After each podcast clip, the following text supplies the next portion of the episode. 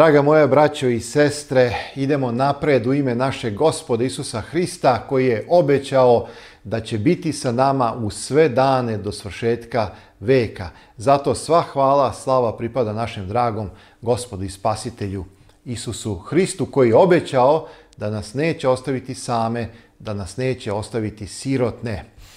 Želja mi da nas Bog blagoslovi dok budemo proučavali danas jednu izuzetno važnu temu – jer od njenog pravilnog ili pogrešnog razumevanja zavisi i naše hrišćansko usmjerenje ili sam kvalitet našeg hrišćanskog života, delanja, propovedanja.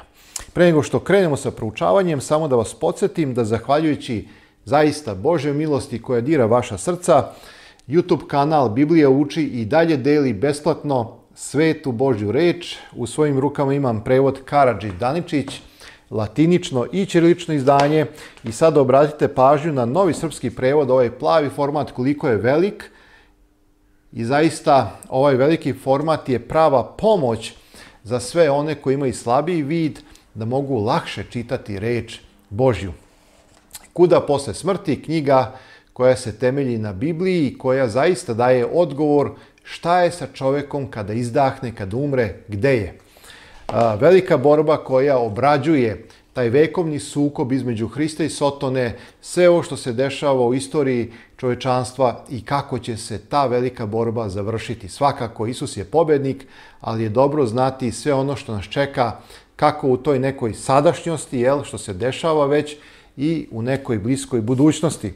Knjiga Biblija uči koja je i brand kanala daje vama 42 osnovne doktrine koje su bitne za razumevanje Božje volje i život koji treba da se ostvari po principima Božjih zapovesti ili reči koje nam je Bog ostavio. A sada, dragi moji, hajde samo kratko da se pomolimo Bogu. Oče sveti, ti koji si nadahnuo pisce Biblije Duhom svetim, da nam prenesu tvoju volju, istim Duhom svetim nadahni nas da bismo pravilno razumeli tvoju istinu da ne pogrešimo, da ne skrenemo sa pravog ili lažnog puta. Za svaki blagoslov, za reč Tvoju i za istinu, Oče sveti, hvala Ti u ime naše gospoda i spasitelja Isusa Hrista. Amin.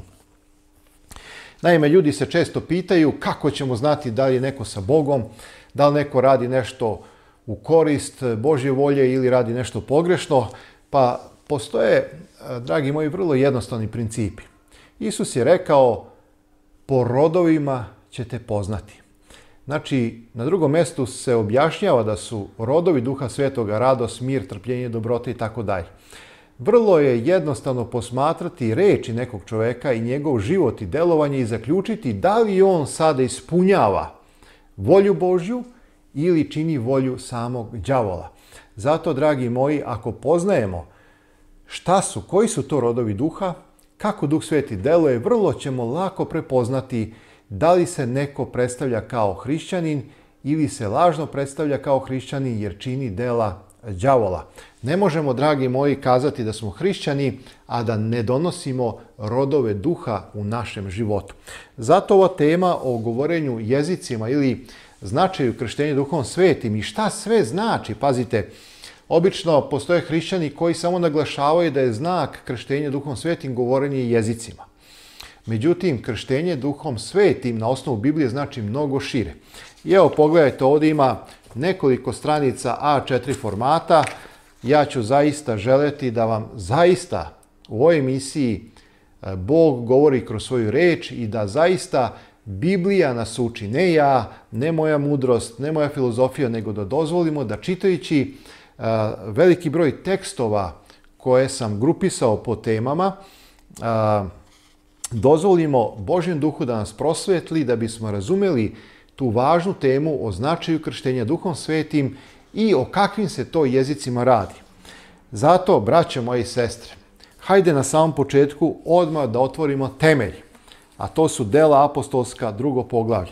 Na osnovu ovog teksta, ja neću ulaziti danas u sve tekstove, ali ovo vam je jedna baza, jedan temelj na osnovu kojeg možete sve tekstove, kao što je recimo 1. Korinčanima 14. poglavlje, gde se tamo dalje razlaže problem govorenja jezika i kako Pavle objašnjava da sve treba da bude u nekom redu, da bude razumljivo, da um ne bude bez ploda i tako dalje, sve to što može da se protumači ili ovako ili onako, tumačimo u skladu sa jasnim, nedvosmislenim tekstovima. Upravo taj jedan od jasnih, nedvosmislenih tekstova nalazi se u delima apostolskim u drugom poglavlju. Znači, kad se je navršilo 50 dana, svi su bili zajedno i onda tamo kaže da su se pokazali razdaljeni jezici kao ognjeni i da sjede po jedan na svakoga od njih i napuniše se svi duha svetoga i stadoše govori drugim jezicima. Koji su to drugi jezici? Da li su to a, razumljivi a, e, jezici, da li su to nerazumljivi jezici, a, koja je svrha a, kada je Duh Sveti dao te jezike baš na dan pedesetnice, zašto je baš tada dao taj dar, a ne možda dar nekog proricanja i tako dalje i tako dalje. I kaže, a, a u Jerusalimu stajako jevreji ljudi pobožni svakoga naroda koji je pod nebom. Evo ga, počinjemo da razumevamo sada redom šta se dešava zašto su u Jerusalimu stajali narodi od svih naroda tako koji su pod nebom? Pa zato što je bila Pasha i jevreji koji su živeli van Jerusalima, u mnogim drugim krajima, sve do Egipta, su došli da obeleže Pasku. Neki jevreji po nacionalnosti koji su bili jevreji, rodili su se u tim zemljama, u Egiptu i u drugim mestima gde su govorili svojim maternjim jezikom koji su možda zbog svojih roditelja i neke, e, nekih korena znali i jevrejski, ali su znali i taj jezik u kojem su se rodili. Međutim, veliki broj njih su možda samo znali jezik u kojem su se rodili.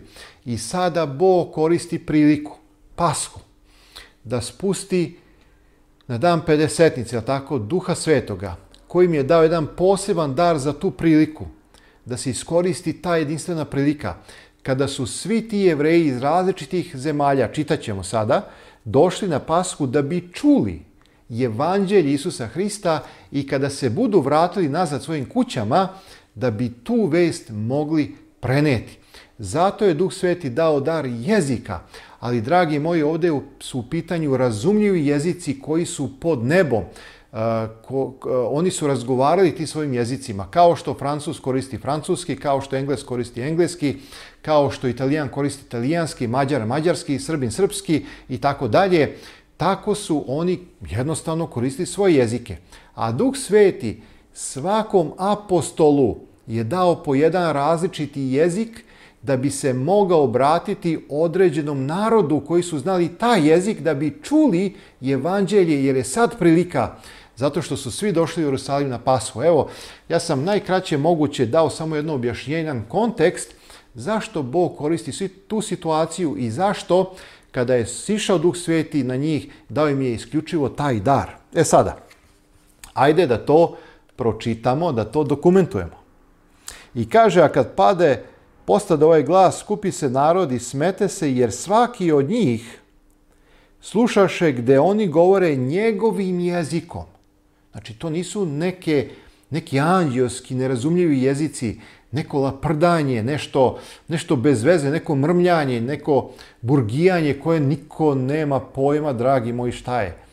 I meni je čudo, ja sam imao razgovore sa mnogim hrišćanima koji tvrde da imaju taj dar jezika. Imao sam e, i prilike da čujem to neko izgovaranje tih nekih jezika koji nemaju nikakav smisao, niti taj koji ga izgovara zna šta je izgovorio niti onaj koji sluša zna što je izgovoreno i zato, dragi moji, smatram da je to veoma opasno. O tom problemu apostol Pave, Pavle raspravlja u 1. Korinićanima 14. poglavlju i kaže pa kako mi čujemo svaki svoj jezik u kome smo se rodili? Znači, oni su bili jevreji po svojoj nacionalnosti, ali su se rodili u drugim zemljama.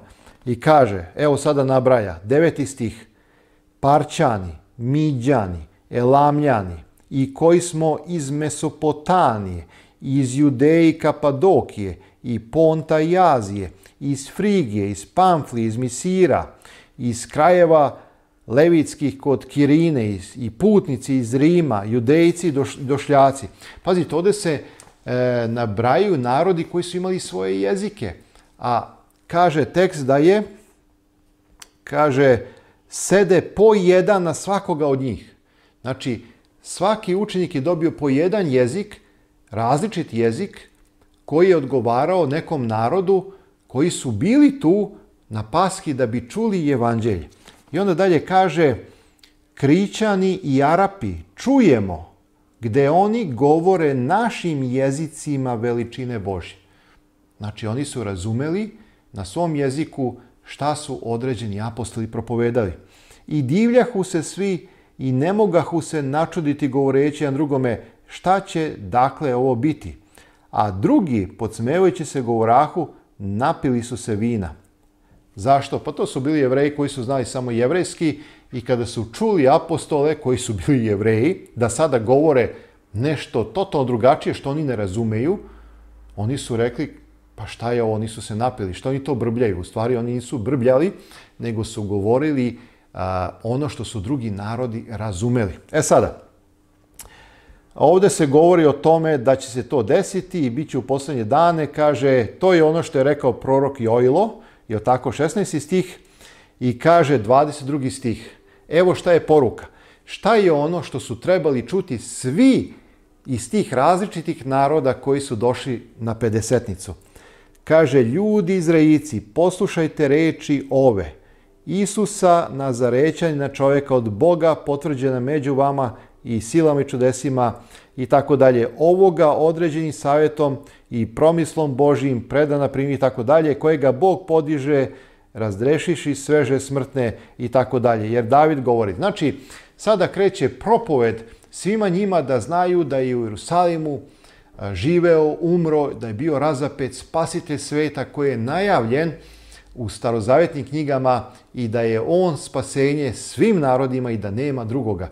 Znači, eto, dragi moji, ja ne bi išao dalje sada u tumačenje, ali ovde se radi o razumljivim jezicima koji su imali svoju svrhu, koji su imali svoj smisao, svoj cilj, baš u vreme kada je na dan 50. bilo mnogo jevreja iz različitih zemalja u kojima su znali svoje jezike, rodili su se, a sada su došli da čuju evanđelje jer je tako Bog. Vidite, Bog je Bog plana, Bog je Bog reda, Bog tačno radi nešto sa svrhom. A onda dolazi iskrivljenje, ja ću vam samo reći, sećate se proročište Delfi, tu je, uh, je tako, tu su bili mnogi hramovi za te, ne znam, božačke bogove, Apolon, Zevs i tako dalje.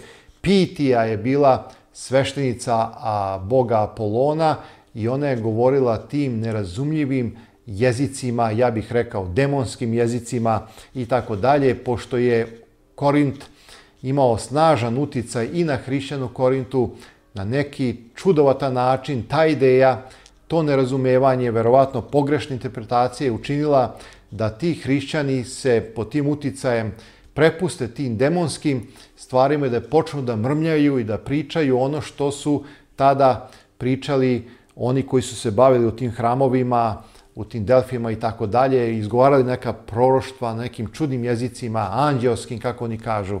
A onda dolazi apostol Pavle, shvata u čemu je problem i pokušava da napravi tu neki red i da na neki način osvesti ljude da im kaže ne, to što radite nije dobro, um ostaje bez ploda, treba da jednostavno razmišljate i da je proroštvo mnogo bitnije nego i sam dar govorenja jezicima. E sada, dragi moji, hajde da razmišljamo na temu o značaju krštenja svetim duhom.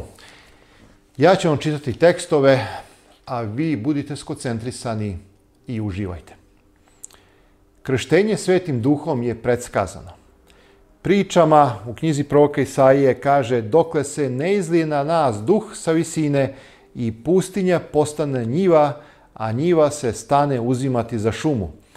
Isaija 44.3 Jer ću izliti vodu na žednoga i potoke na suvu zemlju, izliću duh svoj na seme tvoje i blagoslo tvoj na tvoje natražje. Jezekilj 36.25 kaže I pokropit ću vas vodom čistom, i bit ćete čisti i ja ću vas očistiti od svih nečistota vaših i od svih gadnih bogova vaših i daću vam novo srce i nov ću duh metnuti u vas, izvadit ću kameno srce iz tela vašega i daću vam srce mesno. Drugim rečima, bez krštenja duhom svetim, bez ulaska duha svetog na život, nama vera, ispovedanje vere ne znači ništa. Zapazite Ezekij 39.29. Još smo u tim starozavetnim tekstovima koji su predskazali da će u novozavetnom periodu biti izlivanje e, na verne ljude e, duha svetoga i da će verni ljudi biti kršteni duhom svetim. Jezekij 39.29 kaže i neću više kriti lice svoje od njih kada izlijem duh svoj na dom Izraeljev, govori gospod, gospod. Zapazite Zaharija 12.10 izliću na dom Davidov na stanovnike Jerusalimske duh milosti i molitava i pogledaće na mene koga probodoše. Vidite, ovde se direktno aludira na Hrista. I pokazaće za njim kao za jedincem i tužiće za njim kao za prvencem. Kako je ovo snažno proročanstvo. Inače, ima mnogo, na stotine, na stotine proročanstava koji ukazuju na Hrista I to je još jedan razlog i dokaz da verujemo u Božje postojanje, jer ne može sve ovo da se ispuni u životu jednog čoveka toliko precizno da nema Božjeg proviđenja, da nema Boga koji sve to vodi i koji je sve to prorekao. Ili recimo, Jovan 7.38 kaže koji u mene veruje kao što pismo reče iz utrobe njegove poteći reke vode žive a ovo reče o duhu koga trebaše da prime oni koji veruju ime njegovo, jer duh sveti još ne beše dat, zato što Isus još ne beše proslavljen. Vi znate, kad je Isus otišao na nebo i kad je bio ustoličen, i kad je bio proslavljen, i kad je njegova žrtva prihvaćena, tada se izlio duh sveti po obećanju. E sada, hajde da idemo dalje. Ovo su bila, je tako, proroštva vezano za ono što će se desiti. Hristos je darovao. Matej 3.11 kaže ja vas krštavam vodom za pokajanje, znači reči Jovana Krstitelja, a onaj što dolazi za mnom jači od mene, ja nisam dosta njemu obuće poneti, on će vas krstiti duhom svetim i ognjem. Marko 1.8 kaže ja vas krstim vodom, a on će vas krstiti duhom svetim. Luka 3.16 Odgovaraš Jovan svima govoreći, ja vas krštam vodom, ali ide za mnom jači od mene, kome ja nisam dostojan odrešiti remena na obući njegovoj, on će vas krstiti duhom svetim i ognjem. Jovan 1.33 Ja ga ne doh, ali onaj koji me posla da krštam vodom, on mi reče, na koga vidiš da silazi duh i oste na njemu, to je onaj koji krštava duhom svetim. Vidite, inače kad je Isus bio kršten u Jordanu, imamo svedočanstvo Oca i Duha Svetoga. Čuje se glas Oca Nebesko koji kaže ovo je sin moj ljubazni koji je po mojoj volji, njega poslušajte. A onda dolazi Duh Sveti u vidljivoj manifestaciji, o takvu obliku goluba, i staje na rame Hristovo. Znači, Duh Sveti uvek svedoči da je reč Božja istina, jer ono što je Otac rekao za Sina, Duh Sveti je posvedočio time što je stao na Hrista. Tako da je uvek potreban između tog odnosa koji se odvija između sina i oca, Duh Sveti kao onaj koji je treći u toj velikoj priči, porodici Božjoj, uvek svedoči za sina i uvek svedoči da je reč Božja istinita. Znači, mi ne možemo odbaciti Duha Svetoga kao što neki hrišćani rade a, i pokušavaju da ga predstave da on ne postoji kao treća zasebna osoba. To je totalno nebiblijsko shvatanje. Evo još jedan tekst, kaže, ovo rekavši Dunu i reči im primite duh sveti. Del apostolske 1.5, jer je Jovan krstio vodom, a vi ćete se krstiti duhom svetim nedugo posle ovih dana. E sada, hajde da razmišljamo o tekstovima a, gde se pokazuje da je Hristos primio.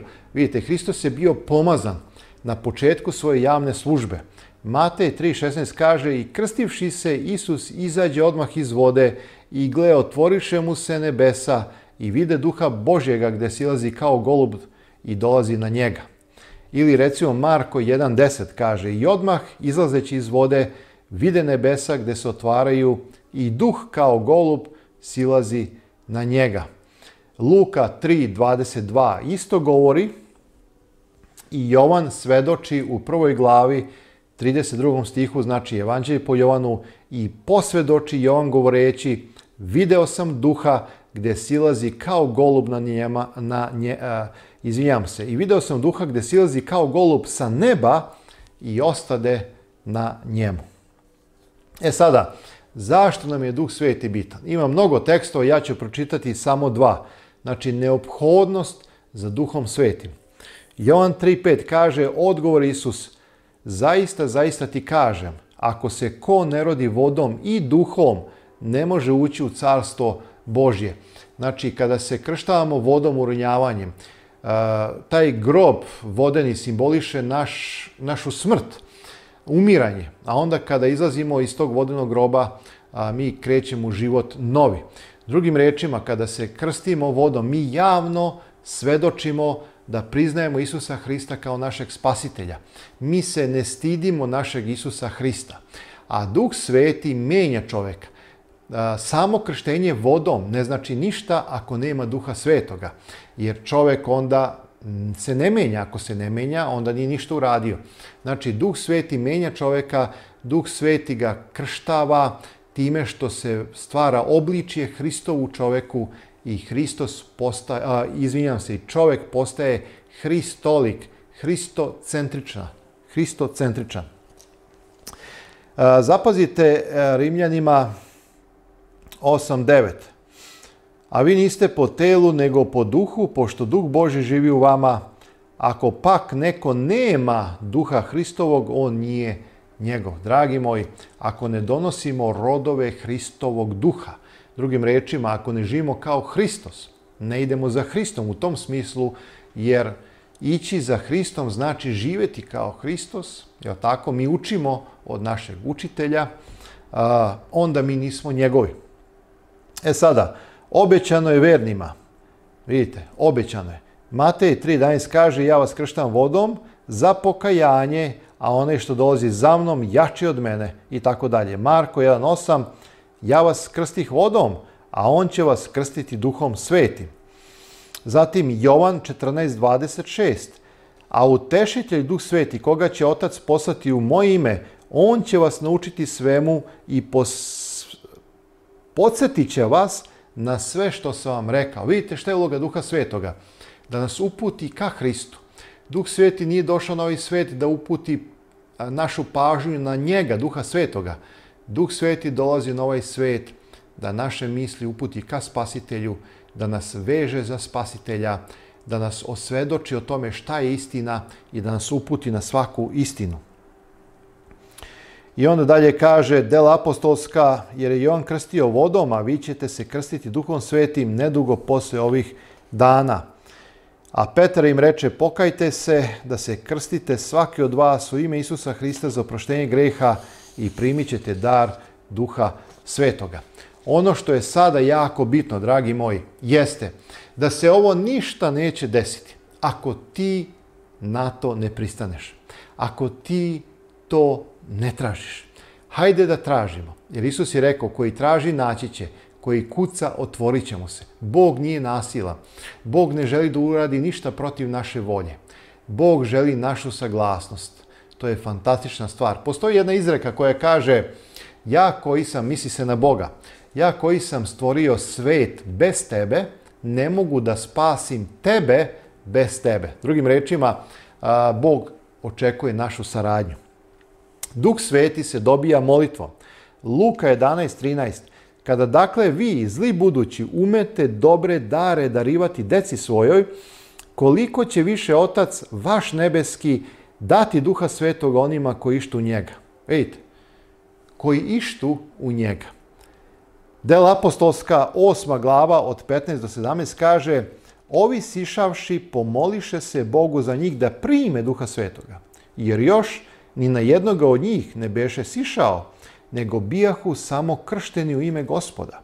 Tada polagahu ruke na njih i oni primahu duha svetoga. I sada, dragi moji, idemo dalje. Svi verni su učestvovali.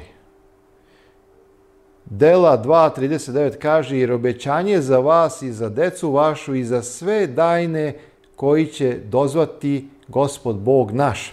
I prva Korinčanima 12.13 kaže apostol Pavle, jer se jednim duhom svi mi, vidite, obuhvata više njih, zajednicu, svi mi krsti smo u jedno telo. Koje telo? Pa telo Hristovo. Bili judejci, ili jelani, ili robovi, ili slobodni, svi smo jednim duhom napojeni. Zatim, dragi moji, svi su se verni krstili jednim istim duhom. Prvo Korinćanima 12.13 kaže, jer se jednim duhom svi mi krsti smo u jedno telo, bili judejci, tako dalje, tako dalje. Znači, čitao sam taj tekst. I Galatima 3.27 kaže, jer koji se god u Hrista krstiste, u Hrista se obukoste. Nema više judejca, ni jelina, nema više roba, ni slobodno, nema više muškoga, ni ženskog roda, jer ste svi vi jedno ili jedan čovjek u Hristu Isusu. Zatim, dragi moji, evo vidite, samo da vas podsjetim, šta sve obuhvata krštenje duhom svetim? Pa krštenje duhom svetim ne znači samo dar jezika. Krštenje duhom svetim nas uvodi u zajednicu spašnih. Krštenje duhom svetim nam daje mnoge darove. Krštenje duhom svetim nas osposobljava za službu. Krštenje duhom svetim nas uvodi u svaku istinu. Krštenje duhom svetim daje silu i snagu koja je veća od đavola. Krštenje duhom svetim pokazuje da ćemo doneti rodove duha, da smo Hristovi i tako dalje i tako dalje. Zatim opravdava 1. Korinćanima 6.11.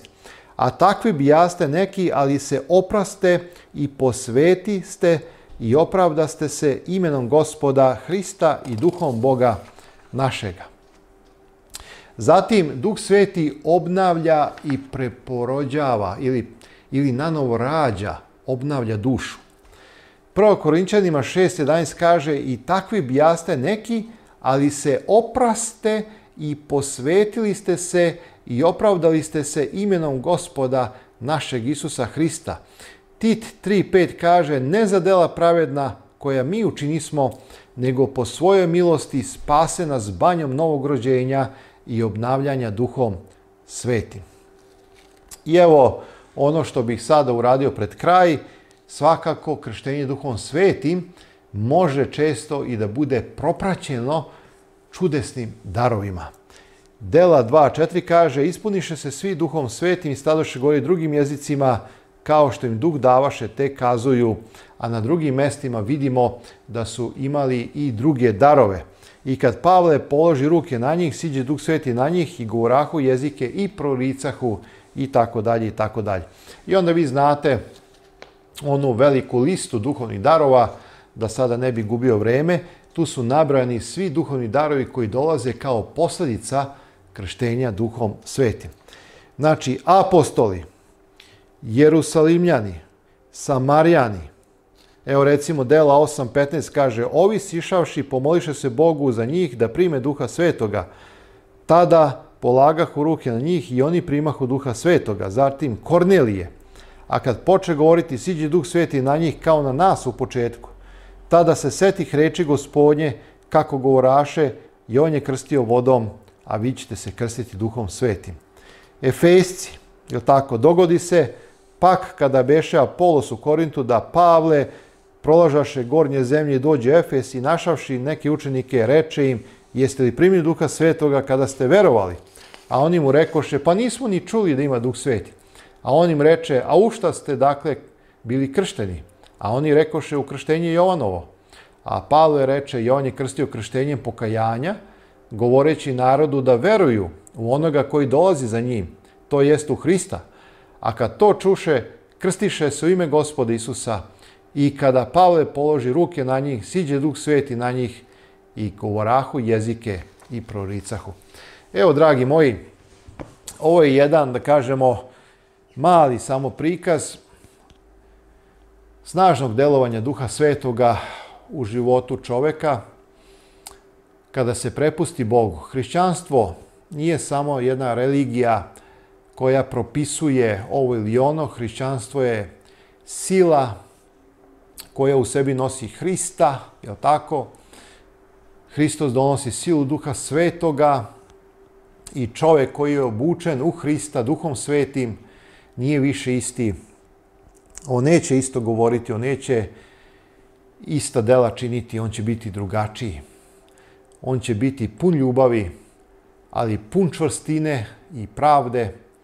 On će biti blagodatan čovjek, ali će biti i hrabar, On će gledati u svakom smislu da proslavi Hrista, iako će nekada podnijeti žrtvu, ali on će gledati da uvek bude na strani Hrista. Nekako on smatra da može biti na strani Hrista i da se bori za Hrista, nego onako kako je sam Hristos odredio da se borimo za njega. A to su principi koji nam dolaze kroz Duha Svetoga, a Duh Sveti donosi rodove. Zato Isus kaže, po rodovima ćete poznati ko je kakav.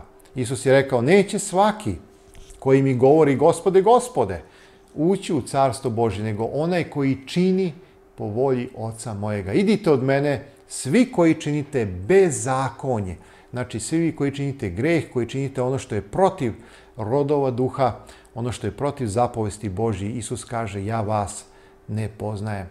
Dragi moji, moramo biti oprezni jer se Sotona pretvara u anđela svetla. Prikazuje se često tako perfidno kao da izgleda da je Božja volja nešto, kao da je na strani Božje u stvari nas vodi u smrt. Zato bez Biblije, bez reči Božje, nijedan čovek neće imati nikakve šanse da se odupre lažima i prevarama koje dolaze na sav vasioni svet. Svakom dobro želim, neka vas dragi Bog blagoslovi, a vidimo se uskoro u nekoj od narednih naših emisija. Svako dobro!